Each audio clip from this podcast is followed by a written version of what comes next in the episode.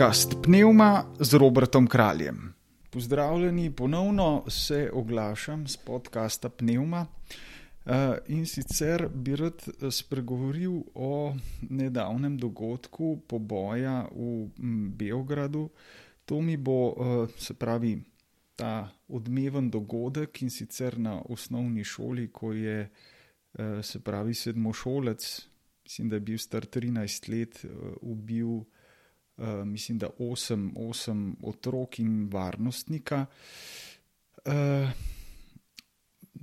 bral sem nekoliko o tem uh, dogodku. No, preden nadaljujem, naj samo še povabim, da ste uh, vabljeni uh, k odzivu, uh, komentarjem. Uh, glejte, to so, bi rekel, uh, razmisleki, ki mene nagovarjajo. Uh, Eh, hkrati pa se mi zdi, da vsak eh, lahko prispeva svoj delež, kajti resnica je vedno polifona in vsak vidi nek segment, nek vidik resnice, zato je sodelovanje. Eh, zelo pomembno, ker tako si širimo obzorja. Nihče nima primata nad resnico. Nihče ne vidi celotne resnice, ampak vidimo samo eh, neke segmente, zato je potrebno, da eh, eh, zato vas res vabim k izmenjavi mnen. Se pravi, ta dogodek v Beogradu mi bo služil nekako za diagnostiko družbenega stanja. Lejte, ko, sem, ko sem bral nekaj, nekaj odzivov na, na to zadevo, uh, sem videl, da seveda je skrb zbujajoče vzgojna razsežnost, se pravi vzgoja otroci, uh, potem starši, kako je, kako je vse to povezano. Ne? Ampak tukaj gre za veliko globlji, globlji uh, problem. Uh, ki pa ga mislim, da nismo naslovili, ker je to res tako, Eh, bomo rekli, pohujšljiva tema, da pa ne samo ta poboj, ampak, ampak to, za kar gre, za kar pravzaprav, kdo, kdo smo mi ljudje. Tega si ne bomo priznali, zato zlepane, zato, eh, kot pravi, kot bom tudi eh, omenjal, ne, Uh, zato pravi Sören Kierkegaard, da potrebujemo razodetje, da nam pove resnico o nas samih. Razodetje od Boga, božje razodetje, ker človek si bo vedno prikrival resnico o samem sebi, vedno in povsod. Taki smo, taki smo. In ta dogodek nas spominja na resnico o nas samih o nas samih. Mm, uh, obstaja en lep nemški pregovor, ki pravi: Kindermund tut Wahrheit kund. Se pravi, otroška usta oznanjajo, naznanjajo, govorijo resnico. Otroška usta govorijo resnico. Zakaj je to tako? Zaradi tega, ker je v otroku, otrok še ne pozna, te, nima še te kritične distance do okolja, do vse, do vse resničnosti razvito, razvite in zato je v njem vse eno. In zato pravzaprav eh, ne, mm, v, njem, v njem se dogajajo procesi in on jih preprosto brez filtrov izraža. Ne? Zato je otrok tisti, ki nam razodeva resnico. To boste, to, to, to boste starši zelo dobro vedeli. Uh, se pravi, jaz še enkrat povem, nikogar ne zagovarjam, tukaj se ne postavljam na stran nikogar, meni služi ta dogodek samo kot izhodišče, kot fenomen za razmislek o tem, kdo smo in v kakšni družbi živimo. Uh, Se pravi, da otrok ne, izraža ne, tudi ta otrok, ta otrok, ta, ta osnovnošolec. On je pravzaprav, če vzamemo resno ta, ta pregovor, ne, eh, da otrok govori resnico, ne otroška usta, on so usta. Se pravi, vse otrok, ne, ne samo on govori on je govoril s tem dejanjem, čeprav ni ničesar povedal, ampak on je nekaj sporočil. In to bi se lahko zgodilo kjerkoli, kjerkoli v Evropi, zgodilo se je bolj na obrobju Evrope, kar je še bolj morda pomenljivo. Mm, in to nam nekaj sporoča. Drugi pregovor, ki mi odzvanja, je jabolko ne pade daleč od drevesa. Spet enako. Vidimo, da je tukaj nekaj narobe, eh, ne, se pravi, eh, ne samim otrokom. Otrok kaže na nek izvor, na nek izvor problema. In s tem se mi nočemo soočiti. Ali pa se soočamo zgolj samo površinsko, da bomo malo, bomo rekli, popravili, malo bomo eh, nekako zašili, ne, pa bomo spet prikrili, in tako naprej. Eh, tukaj gre za eh, bistveno vprašanje človeka. Kdo je človek in kdo smo mi v resnici, namreč soočiti se moramo z najglobljim protislovjem v sebi. In to je, da je ne, in tukaj se bom oprl na Paskala in Kierkegaarja, ki sta misleca, mm, ki sta ta, ta problem naslovila, bi rekel, najdrzneje, najdrzneje v zadnjih, bomo rekli, 500 letih, če lahko tako rečem. E, gre pa za to, da človek kot ga poznamo, kot ga predstavlja današnja družba. Današnja družba govori predvsem o človeku, ki je sposoben, ki, ki je pravzaprav sposoben vsega. Ne, vemo, kakšne dosežke pravzaprav lahko ponudi sodobna družba, kako smo napredovali uh, v marsičem, ogromno blaginje. Eh, ni pomankanja, ničesar nam ne manjka. Ne? Mm, po drugi strani, ne, in tukaj je pa ta temna plat, ne, pa divjajo vojne, v nas je vse skozi ogromno sovraštva, ogromno napetosti, eh, nesoglasi in sporov. Se pravi, po eni strani imamo ne, človek razkriva neko veličino. Ne, v njem je neka veličina, po drugi strani je pa eh, pravzaprav eh, igrača zla, ne? se pa z njim zlo igra in je podvržen zlu. In zdaj bom prebral eno eh, to zelo znano Paskalovo misel in sicer 4-3-4 eh, eh, fragment, ne? kjer govori o tej protislovni naravi in o tem, čemu se človek hoče na vsak način izogniti, se pravi o izvirnem grehu, kar teološko imenujemo izvirni greh, se pravi o človekovem padcu. Da je človek nekako. Mm, Se oddaljil od Boga in ga ta motnja, ta motnja ga zaznamuje vsem, kar počne. Vsem, kar počne. In to se izraža prav na vseh nivojih družbe, ampak največji problem je pa v tem, da si družba in človek sam to temno plat ne nehno prikrivata, ne nehno. In pravi človek, ne, bolj kot to, kar mu govori razodetje, se pravi geneza, ko začne takoj prva knjiga, govori o padcu človeka, to hoče družba preprosto poteptati, zanikati in pozabiti in izbrisati krščanstvo, ker tega noče prenesti. In to pravi sam Pascal. Ga bom citiral kar tukaj, zdaj, ko, ko je ta trenutek. Prav gotovo nas nobena stvar ostreje ne prizadene, kakor ta nauk. In to je nauk o izvirnem grehu.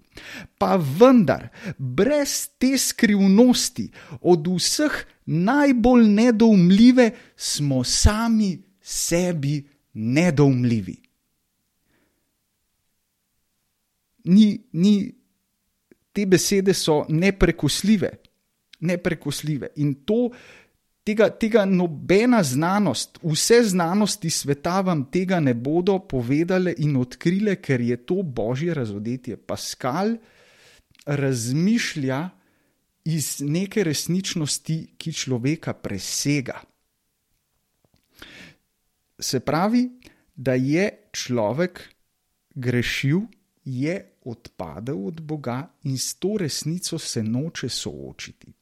Družba pa si to nenehno prikriva in pravi in zahteva in proklamira, razglaša, da je človek plot na, evolucije neke brezosebne sile, bioloških procesov, narave, ki ne more biti odgovoren, ne more biti odgovoren. Kako bom jaz dajal naravi odgovor? Seveda, jaz si izmislim zvijačo, da bom lažje eh, bival, ker v, v, v, se pravi, v prisotnosti Boži, Boga je težko bivati, ker tam se ne moreš skriti. Družba in svet pa pravita, nočemo Boga, narava je tisti izvor in tako lahko prikrijemo svojo temno plat, svojo grešnost. Paskal pa pravi, ne, to ne bo nikamor pripeljalo človek je v svojem bistvu protisloven, to pomeni, da je seveda v njem veličina, bom kar prebral.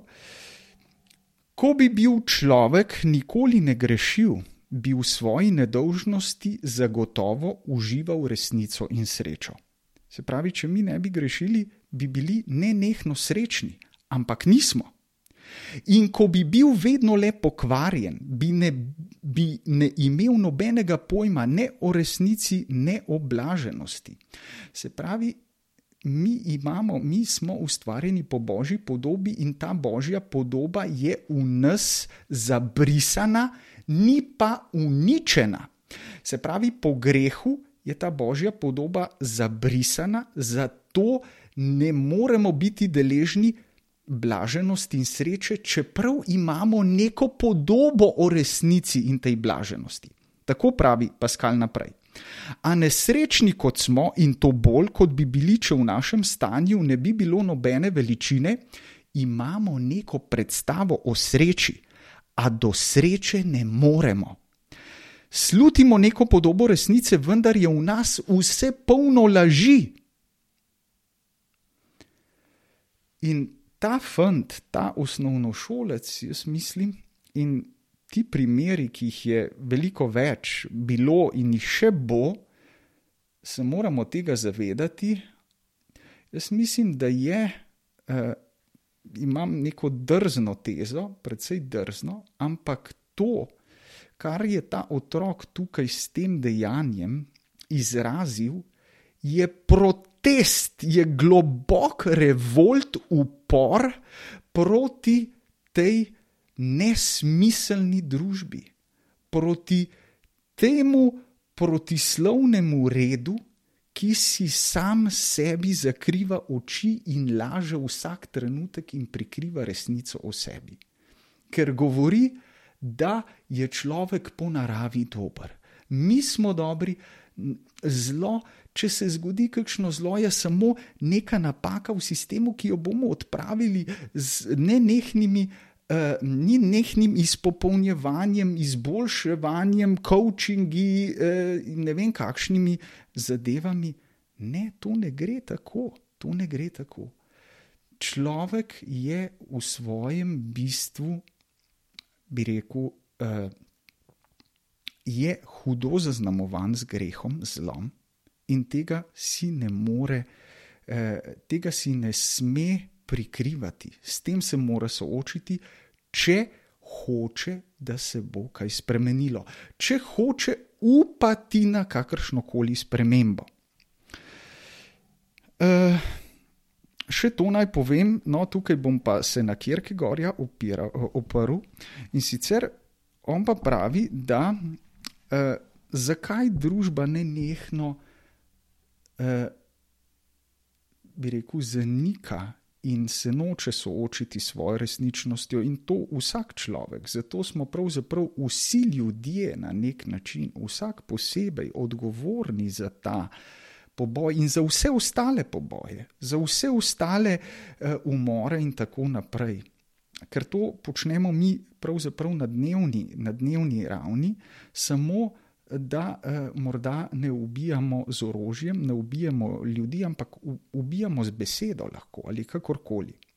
Ampak družba si pa ne prizna tega, ne, zaradi, zaradi tega, ker je človek, ne, tako kot pravi Kierkegaard, sam potopljen v greh. In mi se bomo, pravzaprav, vedno se bomo izmikali krivdi vedno bomo bežali od greha in nikoli ne bomo priznali greh. Zato je vsako priznanje kakršne koli napake in greha, in to vidimo v politiki, se to kaže na vsak trenutek. Vsak trenutek nihče ne prevzame odgovornosti za svoje dejanja, nihče v zgodovini ne, danes ne in tudi v prihodnje lahko rečem, samo peščica je to naredila in tistim je bilo bi rekel, dano od zgoraj, da so to naredili, ker človek sam se bo vedno izmaknil, vedno se bo izognil temu in prikril. Zato je zato potrebno razodetje, se pravi, za, za to, da mi sploh se soočimo s svojo temno platjo, zlom v nas, z grehom, je potrebno razodetje. In tako pravi Kierkegaard. Citiram bolezen za smrt, stran 124-25. Povsem drži. In dlje res noben človek ne more priti, noben človek ne more sam iz sebe izjaviti, kaj je greh, prav zato, ker je sam v grehu. Vse naše, ne, on pravi, njegovo govorjenje o grehu je v bistvu olepševanje greha, opravičevanje, grešno zmanjševanje. Vedno bomo rekli, ne, sej nisem mislil tega in tako naprej. Ne. Vsak sam pred sabo lahko razčisti to. Ne. Vedno se bomo izognili. Ne. Zato tudi krščanstvo začenja na drugačen način, kot trdi, da je potrebno razodetje od Boga, da človeku razkrije, kaj je greh da greh ni v tem, da človek ni razumel, kaj je prav. Človek je vedel, kaj je prav in kaj ne. Marveč v tem, da tega noče razumeti in da noče tega, kar je prav. Konec navedka. Se pravi, tukaj ne gre za nekaj, a človek ni vedel. Človek je vedno ve, kaj je prav, ker mu vest govori, vendar si to načrtno in z vso voljo prikriva in tega noče razumeti, in tudi noče tega, kar je prav. Se pravi, da je nekaj v nas, kar se upira dobremu. Uh, glejte, hm, bom zaključil. Eh, danes sem želel nasloviti to, uh, bi rekel, temeljno protislovje v človeku. In Guardini pravi, dokler se ne bomo soočili in če se človek ne sooči s tem, uh, ne bomo prišli daleč, ne bomo prišli nikamor, ampak bo naša, naša družba, naša zemlja bo vedno bolj opustošena. Eh, vedno bolj bomo, bi rekel, se bo zelo eh, stopnjevalo ne, med nami, med vsemi, ne, in uh, ne vem, kakšne so posledice, to, to bomo videli. Ne, ne bom tukaj, jaz nisem, bi rekel, pripadnik kakšnih apokaliptičnih napovedi. Um, čeprav tudi to se pojavlja, ampak uh, se mi zdi, ne, tako kot pravi. Uh, Tako kot pravi uh, apostol Peter ne, na Binkošni dan, ko jasno pove, ne, vi ste tega Mesija, ki ga je Bog ne, obudil od mrtvih in mi smo temu priče, vi ste ga umorili. Ne. In potem pravijo, ne, potem je njih to do dna pretreslo, ne, se pravi tiste, ki so poslušali in so vprašali, ne, Petru so rekli, kaj naj storimo. Ne. In on jim je rekel, ne, dajte se krstiti v imenu ne, eh, Jezusa Kristusa. Ne, eh, In tako naprej, ne, se pravi, sprejmite evangelij, sprejmite božje oznanilo. Eh, in tukaj vidim samo rešitev v tem, ne, da človek sprejme to novo življenje, ki je prišlo po Kristusu, sicer je, je vse ostalo za manj in je nesmiselno. In dlje kot do smrti ne bo trajalo, pa še to zna miniti v zelo napetih eh, okoliščinah. Eh, hvala še enkrat, vabljenih komentiranju in se vidimo prihodnjič.